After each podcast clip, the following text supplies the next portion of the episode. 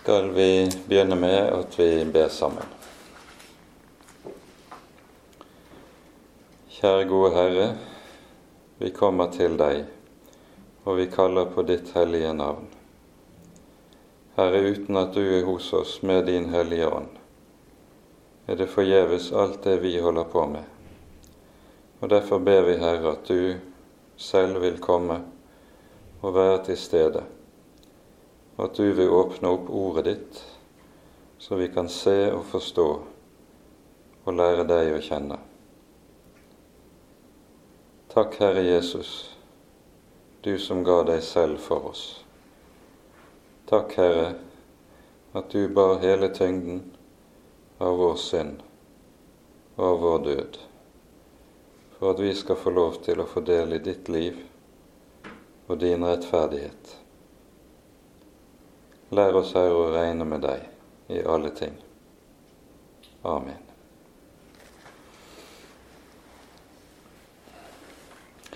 Sist gang vi var sammen før påske, så gikk vi igjennom det 15. kapittel, der vi hører om apostelmøtet i Jerusalem. Dette er en av de mest konsekvensrike begivenhetene og avgjørelsene vi møter i Det nye testamentet. Og eh, vi, som vi pekte på det, Verken Den kristne kirke eller kristen misjon hadde vært den samme uten det som vi vedtaket som vi hører om i eh, apostelmøtet i Jerusalem. Når vi så kommer til slutten av det 15. kapittel, så hører vi fra vers 35 av om starten på den andre misjonsreisen. En misjonsreise som eh, første gang fører Paulus til Europa, til eh, det gamle Grekenland. Og eh, allerede i kapittel 16 er det vi hører om dette. Men vi leser først avslutningen av kapittel 15, fra vers 35. Paulus og Barnabus Pass ble en tid i Antiokia. De lærte og forkynte Herrens ord og evangelium sammen med mange andre. Da det var gått en tid, sa Paulus til Barnabas.: La oss dra tilbake og besøke brødrene i alle byene der vi forkynte Herrens ord, og se hvordan de har det. Barnabas ville da også ha med Johannes med tilnavnet Markus. Men Paulus mente at de ikke skulle ta med ham som hadde forlatt dem i Pamfylia, og ikke gått med dem i arbeidet. Det ble da så bitter uenighet at de skiltes fra hverandre. Barnabas tok med seg Markus og seilte av sted til Kypros, men Paulus valgte Silas til å følge seg. Så dro han ut etter at brødrene hadde overgitt ham til Herrens nåde. Og han dro gjennom Syria og Kilikia og styrket menighetene.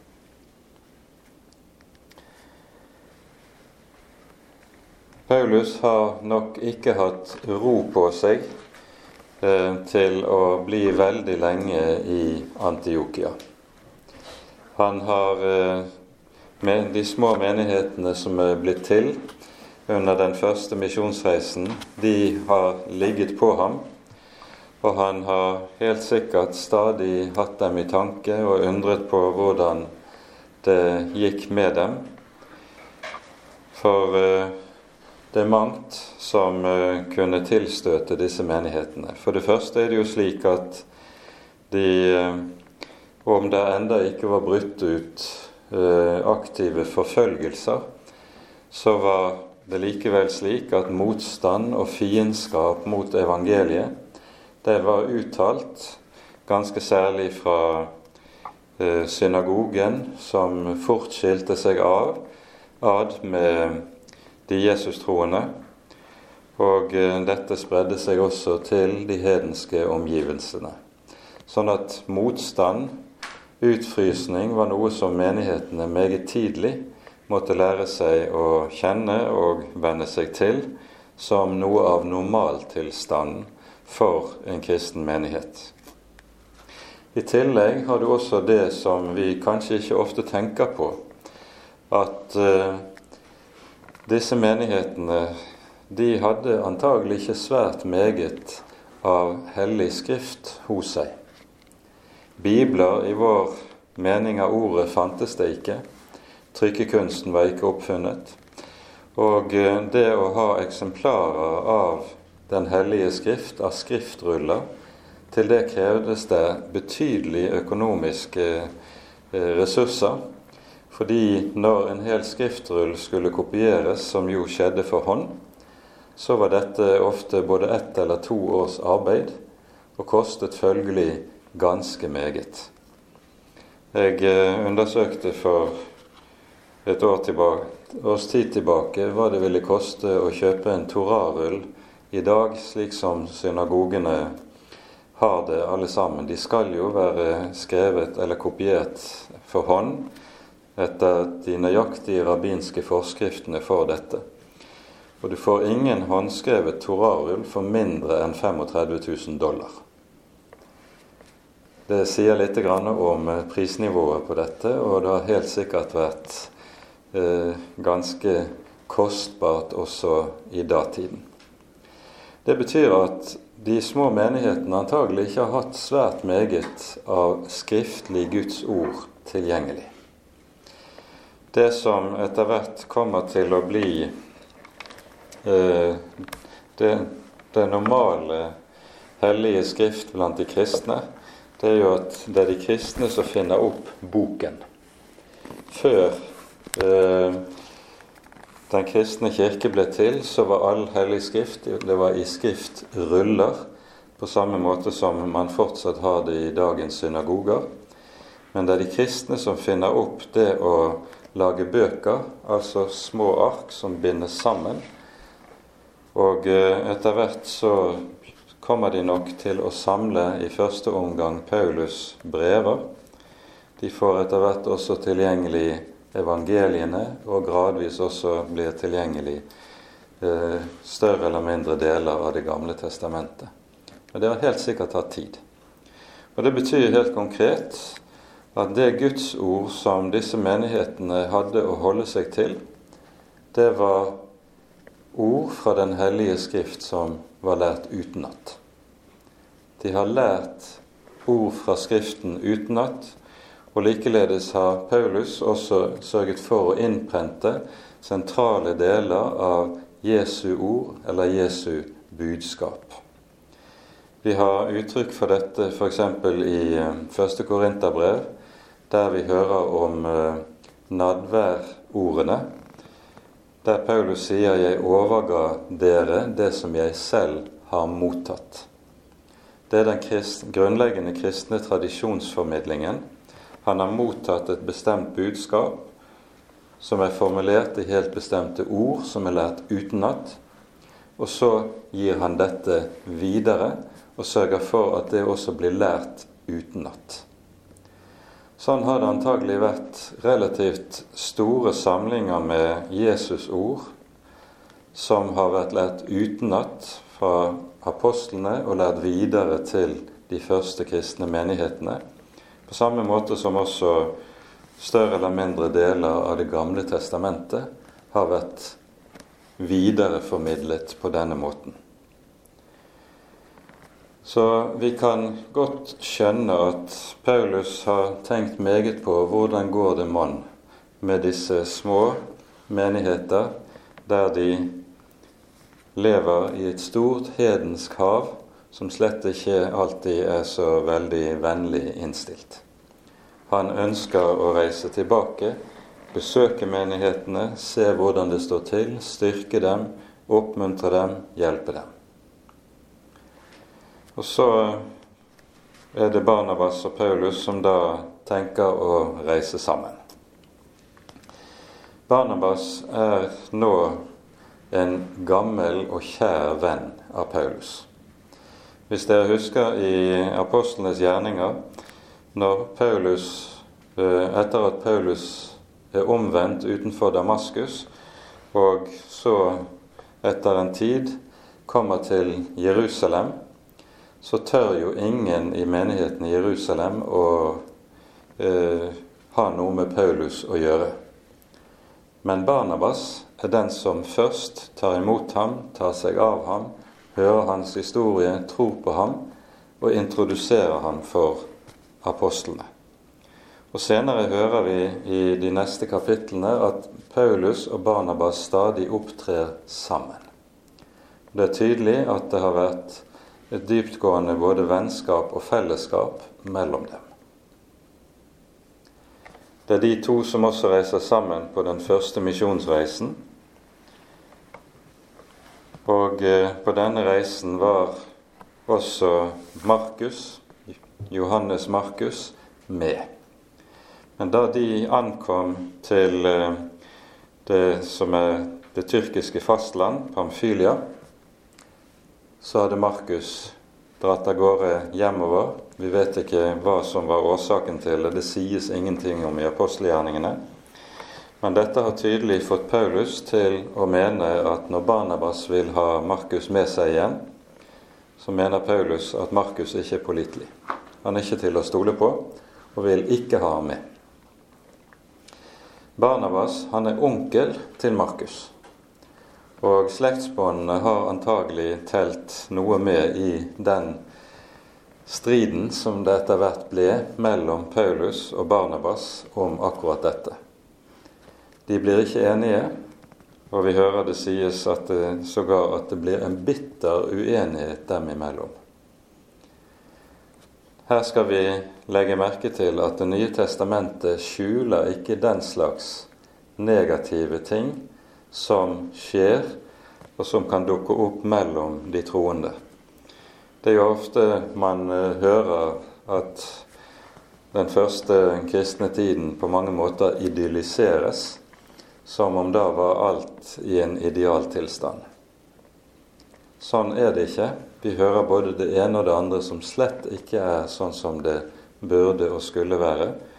Og i et lite glimt er det vi hører det her også. Enden på visen det er at Paulus og Barnabas skiller lag. Barnabas seiler til Kypros, og hvis dere husker det, så er det Kypros som jo er Barnabas hjemsted. Der er han født og oppvokst. Og eh, han vender altså tilbake dit og vil besøke menighetene som er blitt til der under første misjonsreisen. Hvordan det nå videre går med Barnabas og Markus, vet vi ikke. De omtales ikke eh, lenger ute eller videre i apostlenes gjerninger. Det vi imidlertid vet, det er at Paulus og både Barnabas og Markus senere blir vel forlikt. Det nevnes både i Kolossabrevet og i andre Timotius brev at eh, Markus har vært med Paulus. Markus var med ham når Paulus var fengslet, bl.a., og var Paulus til stor hjelp. Og Paulus uttrykker også stor takknemlighet for den hjelpen som Markus har betydd for ham. Så dette leges, men hvordan det skjer, det vet vi ikke. Når Barnabas reiser til Kypos, så tar Paulus en annen vei. Han tar fastlandsveien nordover, eh, fra Antiokia nord mot Tyrkia, og så inn i det som da het, eller som kaltes Lille-Asia, og inn i Kilikia. Kilikia er det sydøstlige hjørnet av Tyrkia ut mot eh, Middelhavet. Og Der er det også Paulus' hjemby, Tarsus, ligger. Og Det er vel ikke usannsynlig at Paulus på veien har vært innom Tarsus, men dette omtales ikke. Så drar han videre og kommer da til Derbe og Lystra, som er de to siste byene vi hører om på, som Paulus og Barnabas nådde til under første misjonsreisen. Og både Derbe og Lystra er to små byer der det etableres menigheter. De ligger inne i det tyrkiske høylandet, og det er en ganske lang vandring som Paulus her gjør. Og nå begynner vi til eh, å lese fra kapittel 16. Unnskyld, vi skulle også bemerket at det står i vers 40 at Paulus velger Silas til å følge seg på veien til, eh, som sin ledsager. Silas er omtalt i vers 32 som en av de som sammen med Paulus og Barnabas skulle reise ned fra Jerusalem og kunngjøre for menigheten i Antiokia avgjørelsene som ble fattet på apostelmøtet i Jerusalem. Og det sies eh, om Silas at eh, eh Silas også var en profet. Og det er kanskje eh, hans profetiske rolle vi møter i, eh, i eh, senere i kapittel 16, uten at det sies direkte. Vi kommer tilbake til det. Vi leser nå fra vers 1 i kapittel 16. Paulus kom da til Derbe og til Lystra. Og se, der var det en disippel som het Timotius, sønn av en jødisk kvinne som var troende, og en gresk far. Han hadde godt vitnesbyrd av brødrene i Lystra og Ikonium. Ham ville Paulus ha med seg på reisen.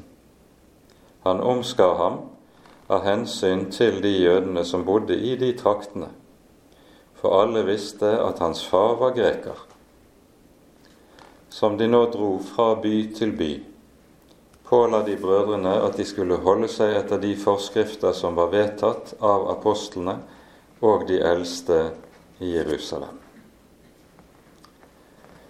Det vi her hører, det er altså at nå kommer, ankommer Paulus til noen av de første byene som han ønsket å gjense i menigheter der han ønsket å gjense.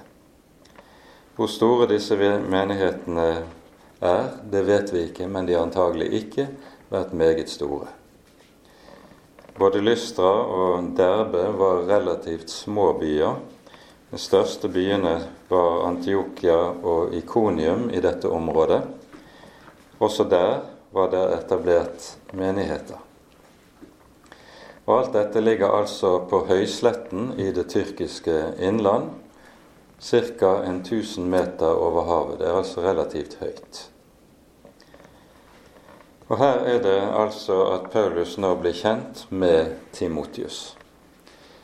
Timotius er en skikkelse som vi senere møter gjentatte ganger i Paulus' brev. Vi hører at han eh, er ikke bare adressat for to av Paulus sine brever, men vi hører også at han er, står som medforfatter av flere av Paulus sine brever. Annet er både Filippa-brevet og første Korinterbrev nevnes Timotius som medforfatter til disse brevene. Og det sier noe om eh, hvor nær Timotius har stått Paulus. Kanskje har det vært slik at eh, brevene har blitt diktert av Paulus og ført i pennen av Timotius. Det er ikke usannsynlig at det var på den måten det har foregått. Det sier imidlertid Bibelen lite om i detalj, men dette var en relativt vanlig måte å gjøre det på i datiden. Det sies om Timotius at han er sønn av en jødisk kvinne som var troende, og en gresk far. Og allerede den gang var det slik at det å være født av en jødisk mor var tilstrekkelig for å bli regnet som jødisk. Dette er fast vedtatt eh, av, eh, i rabbinske forskrifter som går tilbake helt til datiden. En del forskere mener sågar at det går tilbake så langt som til 500 før Kristus. Dette er imidlertid usikkert. Poenget er i hvert fall den som er født av jødisk mor, regnes etter rabbinsk rett som jøde. Selv om faren eventuelt skulle være hedning. Motsatt. Det å ha en jødisk far, men en ikke-jødisk mor, da regnes en ikke som jøde.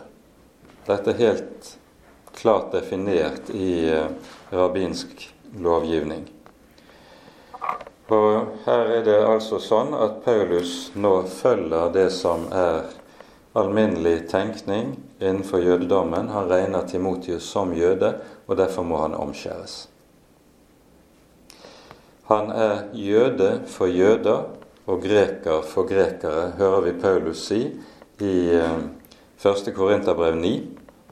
Og det er denne, dette som ligger bak at Paulus her lar Timotius omskjære.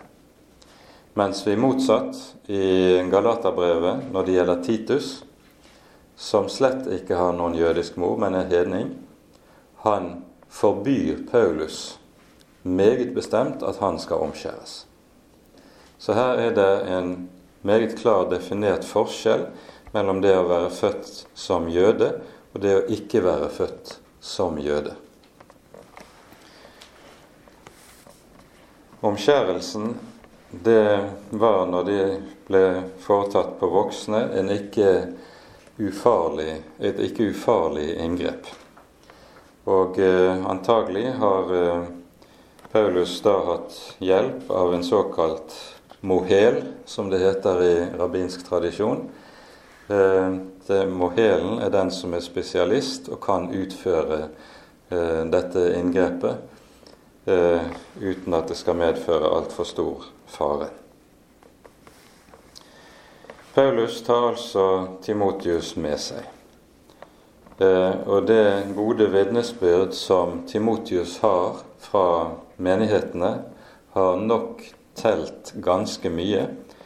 Og vi hører Paulus også gi oss noen glimt når det gjelder eh, Timotius Eh, personlige liv og oppvekst i andre Timotius brev. Og vi kan ganske kort minne om det som sies der. Eh, I andre Timotius brev, i kapittel 1, så skriver Paulus i vers 5.: Jeg er blitt minnet om din oppriktige tro, den som først bodde i din mormor Lois og i din mor Eunike, og som jeg er viss på også bor i deg. Her er det altså slik at Paulus kjenner familien. Han har helt sikkert uh, ved Eunikes omvendelse til kristen tro uh, både lært henne og antagelig familien videre å kjenne, mormoren Louis. Og i det tredje kapittel i 2. Timotius brev skriver Paulus eh, fra vers 14 følgende Bli du i det du har lært og er og blitt overbevist om. Du vet jo hvem du har lært det av, og helt fra barndommen av kjenner du de hellige skrifter, som kan gjøre deg vis til frelse ved troen på Kristus Jesus. Dette gir anledning til ganske mye spekulasjon når det gjelder Timotius' oppvekst. Hans greske far har antagelig forbudt moren å la eh, den lille gutten Timotius omskjæres. Men han har ikke forbudt moren å lære ham opp i jødisk tro. Så helt fra barndommen av så har moren sørget for at han ble fortrolig med Den hellige skrift. Hun har tatt den lille gutten med i synagogen, og allerede den gang var det slik at synagog, i synagogen var det svært ofte Det gjaldt både i eh, Israels land og utenfor Israel. Så var det skole for barna, så de skulle lære å lese hebraisk, lære å lese de hellige skrifter. Til forskjell fra i hedenskapet betydde det eh, at flertallet av jøder de kunne lese. Mens blant hedningene var det motsatt tilfelle. Der var analfabetismen det vanlige. Så det jødiske folk skilte seg på denne måten ganske skarpt fra hedningene nettopp ved at de meget tidlig lærte å lese, for de skulle lære å lese de hellige skrifter.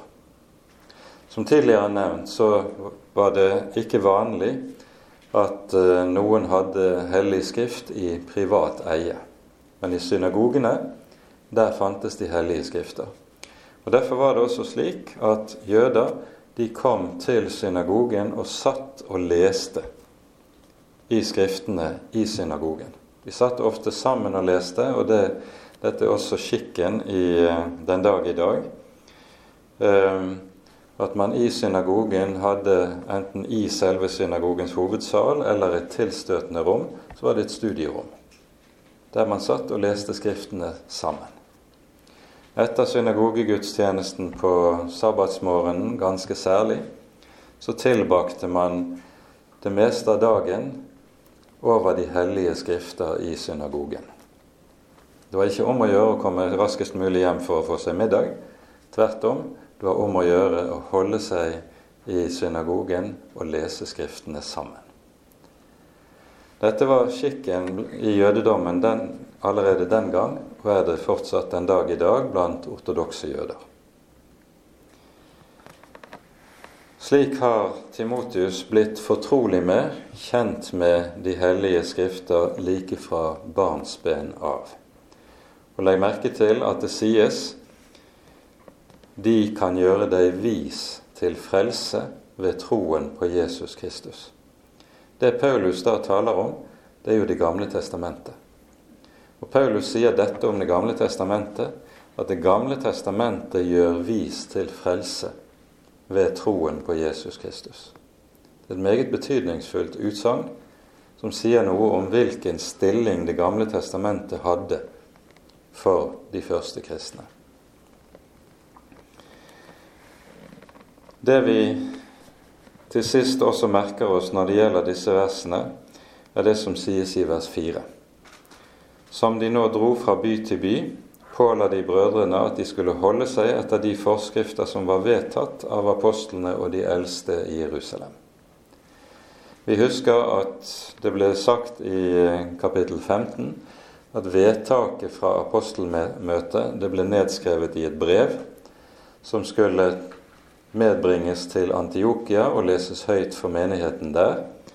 Antagelig har Paulus sørget for at dette brevet ble kopiert opp i flere kopier, og hatt med seg én slik kopi på sin reise til de nye menighetene som han besøker. Da fortsetter vi eh, og kommer og leser fra vers 5 til 9. Så ble da menighetene styrket i troen, og de vokste i tall for hver dag. De dro så gjennom Frygia og det galatiske land fordi de ble hindret av Den hellige ånd fra å tale ordet i Asia. Da de var kommet i nærheten av Mysia, prøvde de å dra til Betynia, men Jesu ånd ga dem ikke lov. De gikk da forbi Mysia og kom ned til Troas, og om natten hadde Paulus et syn. Han så en makedonier som sto der, og han bønnfalt ham og sa, Kom over til Makedonia og hjelp oss. Da han hadde sett synet, prøvde vi straks å komme over til Makedonia. For vi skjønte at Gud hadde kalt oss til å forkynne evangeliet for dem. Hvilken rute Paulus helt nøyaktig her har fulgt, det er usikkert. Eh, vi hører at Paulus dro gjennom det galatiske land og Frygia. Eh, og det er antagelig nå at menighetene, flere forskjellige menigheter i Galatia, blir til, men vi vet så godt som ingenting om disse. Noen eh, forskere mener at eh, det kan være fordi Derbe, Antiokia, Ikonium og Lystra lå helt i syd i den provinsen som het Galatia, at det derfor kan være disse menighetene det tenkes på når Paulus skriver sitt brev til galaterne. Men det var det geografiske en meget stor forskjell mellom det som var den romerske provinsen Galatia, og det som var landskapet Galatia. Landskapet Galatia var et mindre og relativt tydelig avgrenset område innenfor den romerske provinsen. Og den vanlige antagelsen er at det er landskapet Galatia at de galatiske menighetene befinner seg, og som er adressater for Galaterbrevet. Men her er det altså en usikkerhet fordi apostelgjerningene ikke forteller klart og nøyaktig hvor, hvilken rute Paulus nå følger. Det er bare en mer sånn allmenn beskrivelse at han reiser gjennom landskapet. Navnene som eh, nevnes her på de ulike landskapene, de er eh, kanskje ukjente for oss. Bytynia ligger nord mot Svartehavet, eh, mens Mysia ligger i nordvest og er området som grenser ut mot Troas. Og Troas var en viktig havneby ved Egeahavet. Og så merker vi oss altså at det sies at Den hellige ånd hindrer apostelen å tale ordet. Det er altså ikke mennesker som hindrer, det er ikke djevelen som hindrer, men det er Ånden som hindrer. Hvordan Den hellige ånd gjør dette og hindrer, det vet vi ikke. Men det kan vel tenkes at det er Silas som har profetisk nådegave som har fått dette eh, pålagt, uten at vi nærmere kan si stort om det også. Men hva som er Åndens hensikt med dette, forstår vi når vi kommer til vers 9 og vers 10. Den hellige ånd vil lede apostelen og apostelens misjonsreise over til Europa. Og så er det Paulus da om natten har dette drømmesynet. Kom over til Makedonia og hjelp oss. Og da nøler de ikke. Og vi leser videre nå fra vers 10. Da han hadde sett synet, prøvet vi straks å komme over til Makedonia, for vi skjønte at Gud hadde kalt oss til å forkynne evangeliet for dem. Vi seilte så ut fra Troas styrte rett til Samotrake og dagen etter til Neapolis. Derfra dro vi til Filippi, som er den første byen i den delen av Makedonia og en romersk koloni. Der i byen ble vi da noen dager. På sabbatsdagen gikk vi utenfor byporten ned til en elv hvor de pleide å holde bønn.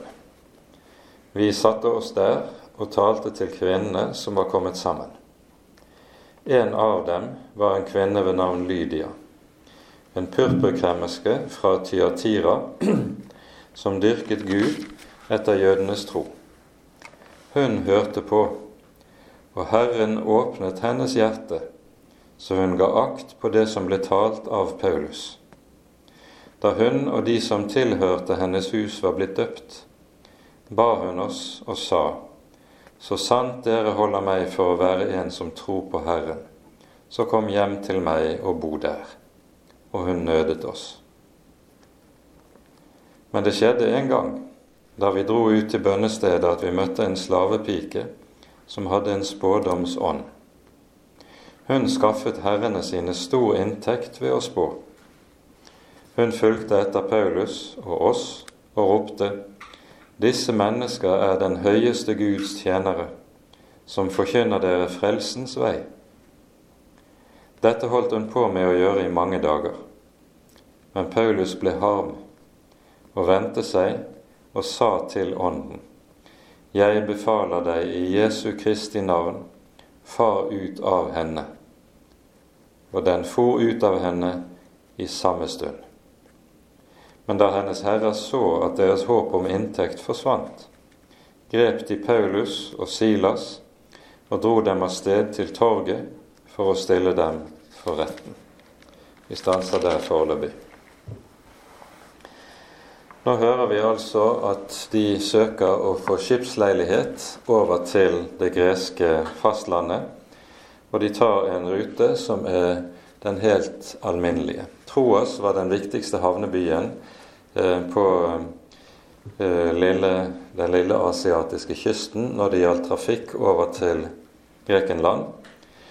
Og eh, det har antagelig vært svært mange skip som lå der og skulle over. Og overfarten tar ikke lang tid. De går i land i Neapolis, som er havnebyen, og drar så videre til fots derfra og kommer til Filippi. Det er en spasertur som tar en tre-fire timer. Og det sies at dette er en romersk koloni. Det er, innebærer at det er en by som består av en i alt vesentlig romersk befolkning. Eh, befolkning, sannsynligvis for en stor del eh, pensjonerte soldater. Eh, og de som bor der, er også i alt vesentlig romerske borgere.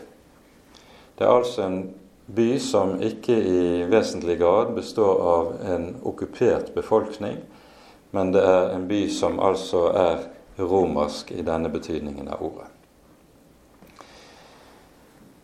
I denne byen er det svært få jøder, så få at det ikke er noen synagoge. Det er noen få som deler den jødiske tro. Det høres ikke ut som det er menn, kun kvinner. Og eh, disse samles ute ved elven utenfor byen, der det går en liten elv. Og eh, der samlet de seg til bønn. Eh, ordet som brukes for bønn, det er et ord som kan eh, oversettes med et bønnehus. Det har det ganske sikkert ikke vært. Det har vært under fri luft de samlet seg. Og, men når de ber, så samler de seg og ber på jødenes vis, nemlig gjennom å be Salmenes bok. Og så er det Paulus og Silas og Timotius får disse i tale, forkynner evangeliet. Og den første som kommer til tro, det er Lydia. Det står at hun er en purpurkremmerske fra Tyatira. Hva som nærmere menes med at hun var en purpurkremmerske, vet vi ikke. Det kan være at hun handlet med purpurklær, eller det kan også hende at hun forhandlet kosmetikk. Det, det kan være flere ulike muligheter for akkurat det, men vi aner ikke hva. Hun kommer fra Tyatira, som er en liten eller en by i um, Tyrkia, Lille-Asia, og hører med som en av de syv byene som nevnes i Johannes' åpenbaring som adressat for sendebrevene i åpenbaringsboken. Tiatira er en av disse byene. Hun, Det står om henne at Herren åpnet hennes hjerte. Det er en viktig bemerkning. Når Jesus underviser disiplene om Den hellige ånds gjerning, så sier Jesus i Johannes 16 at han skal overbevise verden om synd, rettferdighet og dom. Poenget er at det å nå inn til hjertet, slik at hjertet også overbevises, det er Den hellige ånds sak. Det står ikke i menneskers makt. Derfor er det ikke Paulus' overtalelsesevner eller forkynnergaver eller andre slike ting som virker til at hun vinnes for troen, men det er Guds hellige ånd som gjør denne gjerning i hennes hjerte. Ånden bruker ordet som forkynnes, og så skapes det tro. Og så sies det om henne at hun og hennes hus blir døpt. Oftest er det jo slik at det, det hører vi litt senere i kapittel 16. Når fangevokteren omvendes og kommer til tro, så blir også hans hus døpt. Men her tales det om Lydias hus. Det betyr antagelig at hun har vært en ganske holden kvinne. Hun har tjenere, tjenestefolk, i sitt brød. Hun har en familie. Det er mulig at hun er enke siden hun, eh, hennes mann ikke omtales i det hele tatt. Eh, og hun har et hus stort nok til å huse gjester, sånn som vi hører av både Paulus, Silas og Timotius får lov til å ta inn hos henne. Hun nøder dem. Og Dette har helt sikkert også vært en lettelse for uh, de tre evangelister. I alle romerske byer var det vertshus. Men det livet som eh, fant sted på disse vertshusene, det kunne være av en temmelig tvilsom art. Og det å slippe å bo der, det var ganske sikkert en stor lettelse. Og I stedet å få lov til å komme og bo i et hjem der tro og gudsfrykt var til stede. Og Vi ser dette også som en helt umiddelbar frukt av troen. Når hun kommer til tro, så åpnes hjemmet for Guds folk. Det er en viktig sak å legge merke til. Det neste som skjer, det er at disse samles sabbat etter sabbat ute ved bønnestedet der ved elven. Og nå er det altså en kvinne som har en slavinne som har en spådomsånd, som roper høyt, og det er tydelig at dette er til plage for de som samles. Det vi legger merke til i dette, det er at Paulus i vers 18 skjønner nokså raskt hva han står overfor. Når han sier 'Jeg befaler deg i Jesu Kristi navn, far ut av henne' så taler han til en ond ånd som til en selvstendig person. Paulus taler ikke til kvinnen, men han taler til ånden som bor i henne. Og han befaler denne ånd å fare ut. Det vi da skal være klar over, det er noe som Bibelen ellers lærer oss meget tydelig, at dette hører jo med til det området som vi kaller for det okkulte. Der eh, man Og det okkulte området, det er alltid et område der djevelen og onde ånder gjør og utøver en virksomhet. Og spådomsånd, det er som regel et resultat av onde ånders virksomhet som er til stede. Dette er også noe av årsaken til at Bibelen, dette hører vi gjentatte ganger i Det gamle testamentet, uttrykkelig og meget sterkt forbyr enhver befatning med alt som heter spådomskunster. For der mennesker gir seg inn i den slags, der får man alltid med disse krefter som kommer nedenfra, fra mørkets fyrste, å gjøre. Og det er farlig, Eh, disse spådomsåndene, de eh, kan meget ofte eh, spå rett om fremtidige hendelser. Det er en del av deres forførende makt at de er i stand til det. Og det gjør dem desto mer farlige og desto mer besnærende. Det greske ordet som oversettes med spådomsånd, det er en pytisk eller en pytonånd.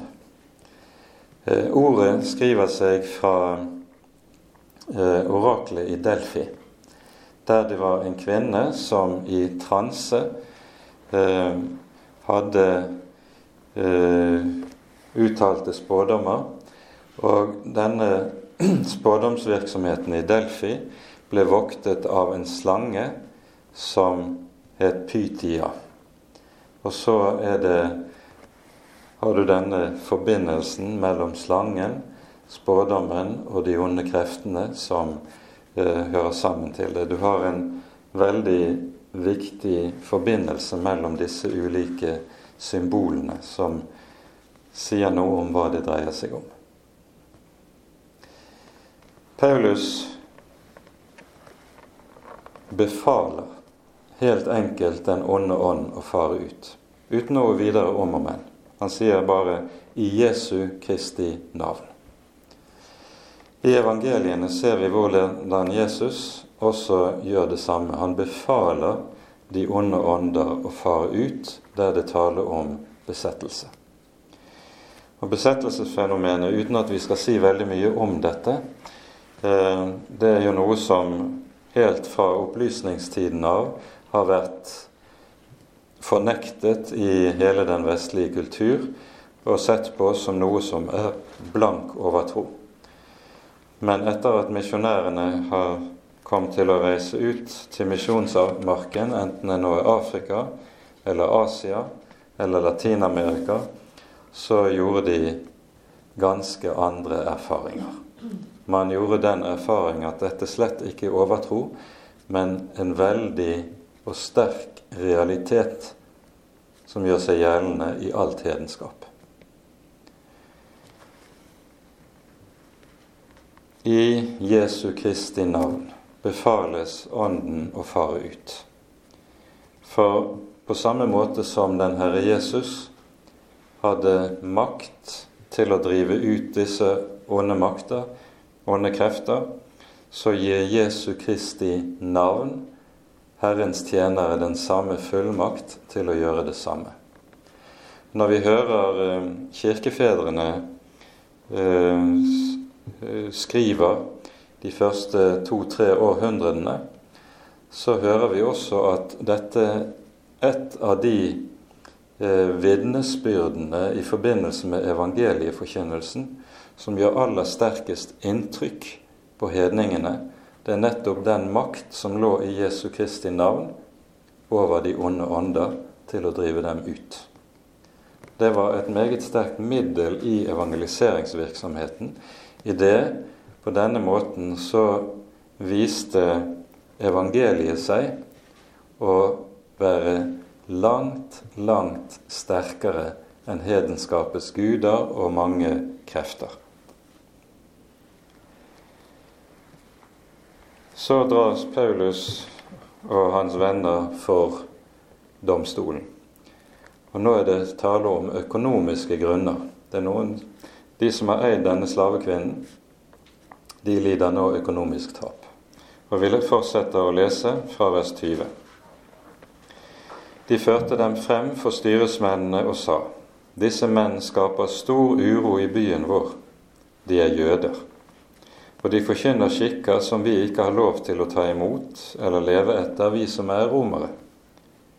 Folkemengden reiste seg også imot dem. Styresmennene rev da klærne av dem og befalte stokkeslag. Da de hadde gitt dem mange slag, kastet de dem i fengsel og befalte fangevokteren å passe godt på dem.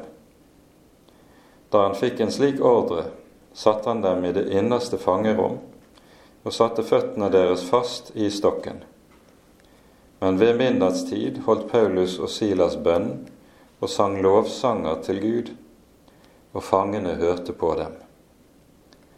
Da kom det med ett et sterkt jordskjelv, så fengselets grunnvoller ristet, og straks sprang alle dørene opp, og lenkene falt av alle fangene.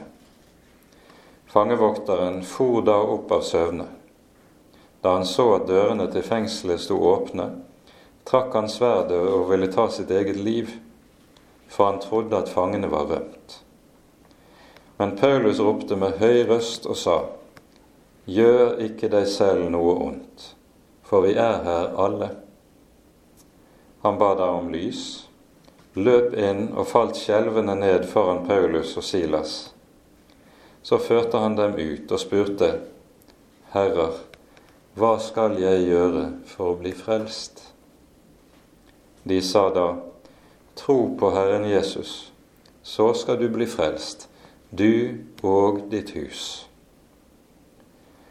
Og samme time på natten tok han dem med seg, vasket dem etter slagene, og straks ble han døpt med alle sine. Han førte dem opp i sitt hus og dekket bord for dem, og de gledet seg, etter at han med hele sitt hus var kommet til troen på Gud. Da det var blitt dag, sendte styresmennene bud med rettstjenerne og sa:" Sett disse mennene fri. Fangevokteren fortalte dette til Paulus. Styresmennene har sendt bud om at dere skal settes fri. Kom nå ut og dra bort med fred.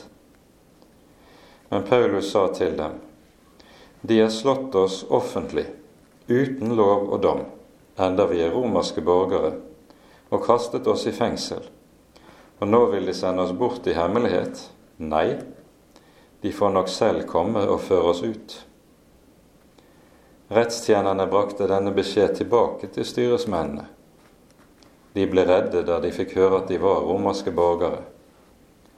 Da kom de selv og godsnakket med dem.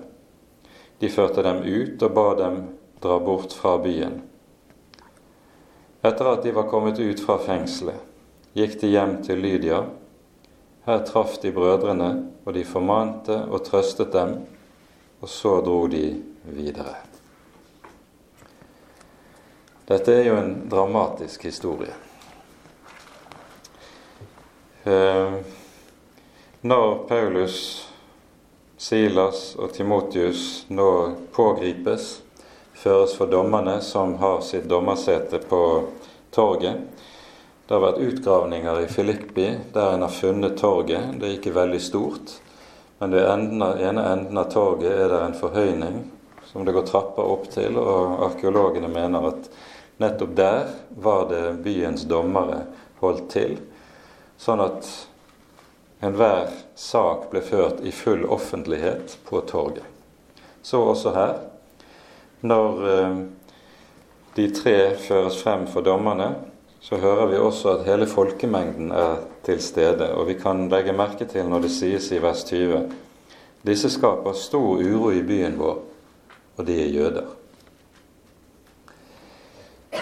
Hvis det er sånn som vi har vært inne på, at apostelmøtet i Jerusalem fant sted i år 49, så befinner vi oss nå kanskje i år 50. I år 49 så skjer det også en ganske bestemt sak i Roma. Claudius har vært keiser i et par år, og i år 49 så utviser han alle jøder fra Roma. Dette nevnes i forbifarten i kapittel 18 i apostelgjerningene. Og den, jødiske, nei, den, romerske historikeren Svetonius er inne på dette og skriver hvorfor. Det var nemlig stadig uro i byen blant jødene pga. at det var strid om en viss Kristus. Romerne visste ikke, kjente ikke navnet Kristus, og det er Kristus. Så altså i den jødiske menigheten har det på denne tiden altså antagelig vært meget stor uro pga. budskapet om den Herre Jesus. Lenge før altså Paulus er ankommet til Roma. Og Claudius gjør rent bord. Han utviser alle jøder fra Roma.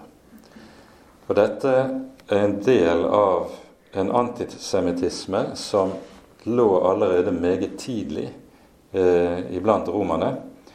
Eh, og når dette nevnes sånn som vi hører det i eh, vers 20, så er det nærmest som en anklage. De er jøder. Og da kan man ikke forvente seg noe bedre, med andre ord. Og så står det i vers 22 folkemengden reiste seg også imot dem. Og det forstår vi.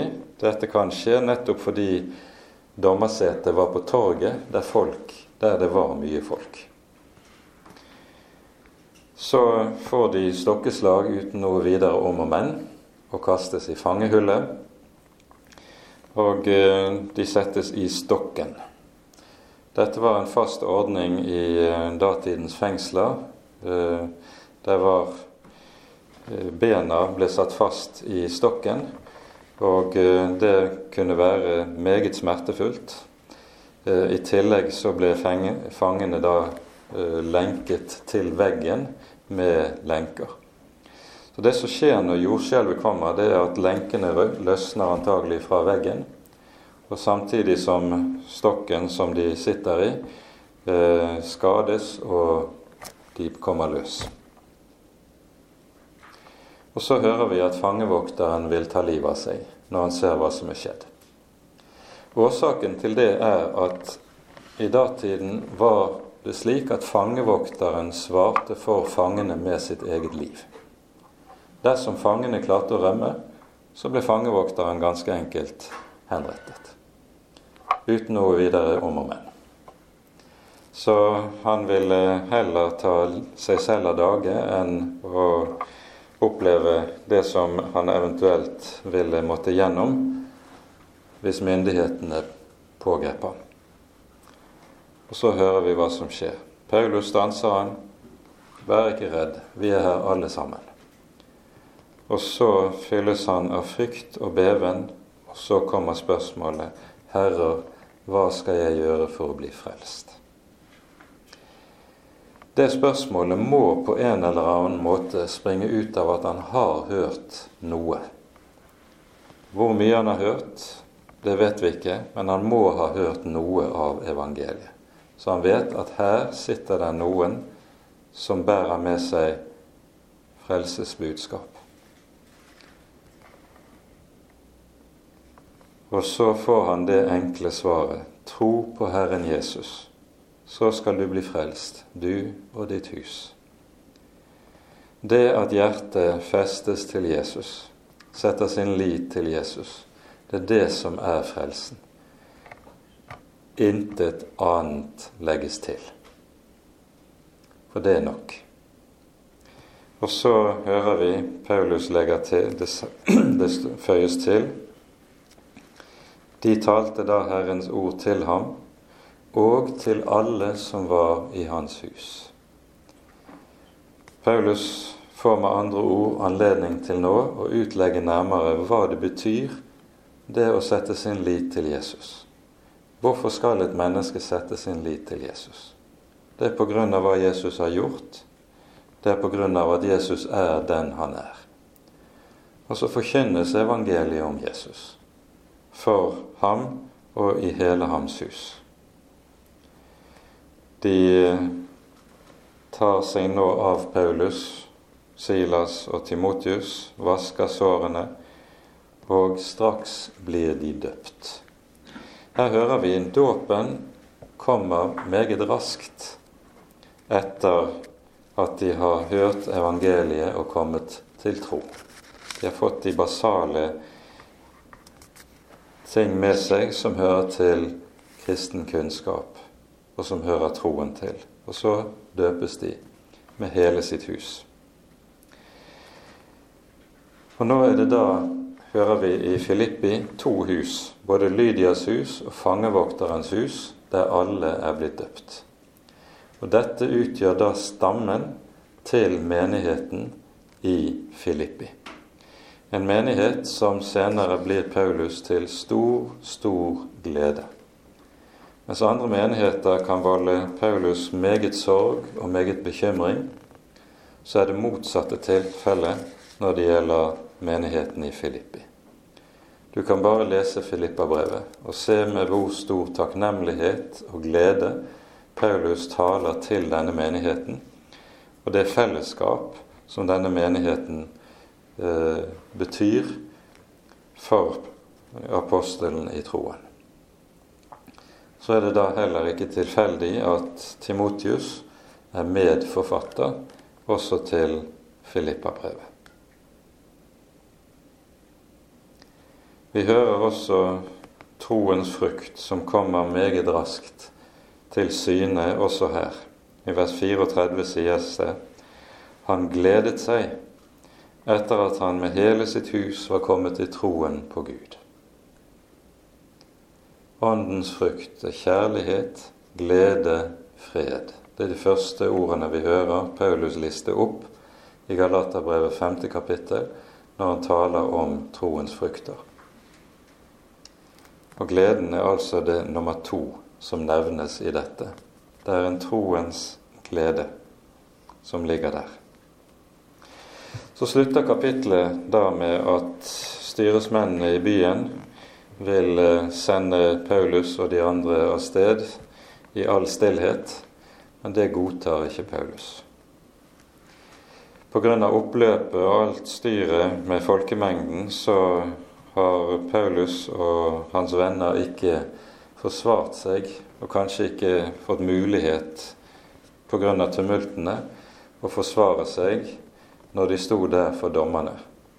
Men nå sies det rett ut. Uten lov og dom har dere straffet oss, fengslet oss, enda vi er romerske borgere.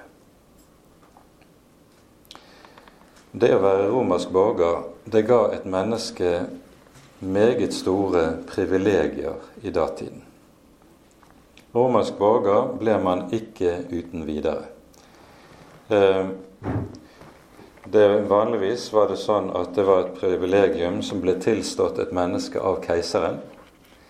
Eh, når du kommer et stykke ut på de første århundrede, så begynner det å bli sånn at korrupte romerske stattholdere selger borgerretten Eh, til folk, men det var noe som ikke som var i strid med romersk lov.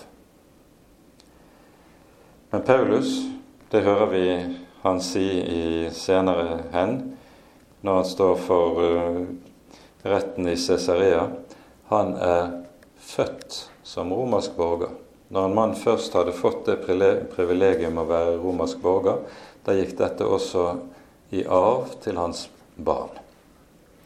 Så Paulus er født til romersk borger. Og Det å være romersk borger det innebar privilegier på flere områder. For det første innebar det en stor grad av rettssikkerhet. Man kunne ikke straffes, dømmes uten lov og dom. Og en hadde rett til som romersk borger, det hører vi jo Paulus gjør senere, å innake saken sin direkte for keiseren som den øverste dommer. En romersk borger han var også eh, i den situasjonen at han betalte langt mindre skatt enn andre mennesker. Eh, og sånn kan vi liste opp en rekke privilegier som hørte til det å være romersk borger. Og Paulus har altså dette privilegiet, og eh, når det blir klart for myndighetene i byen Filippi at de har gjort dette overgrepet mot en romersk borger, da blir de redd. Og dette kan få meget alvorlige konsekvenser for dem selv dersom Paulus rapporterer det til et høyere, en høyere nivå. Det gjør han ikke. Men han vil ha en tilbørlig unnskyldning fra byens myndigheter før han reiser videre. Det får han, og så går ferden videre. Men det Paulus senere skriver i brevet til menigheten i Filippi, det minner en del om det som han var igjennom i, eh, når han var i Filippi. Filippabrevet er jo et av Paulus sine fangenskapsbrev. Det er et brev skrevet mens han satt i fangenskap i Roma. Og han minner i kapittel 1 i Filippabrevet om hva som skjedde i forbindelse med oppholdet i Filippi når han var der. Og i slutten av kapittel 1 så skriver han altså om dette på en måte som har betydning for all senere ettertid for den kristne menighet. Vi leser Filippane 1 fra vers 27.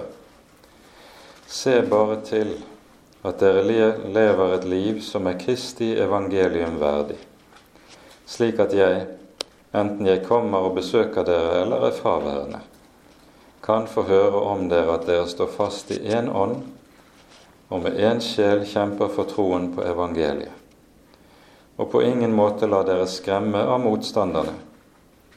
For dem er det et varsel om fortapelse, men for dere er det et varsel om frelse, og det er fra Gud.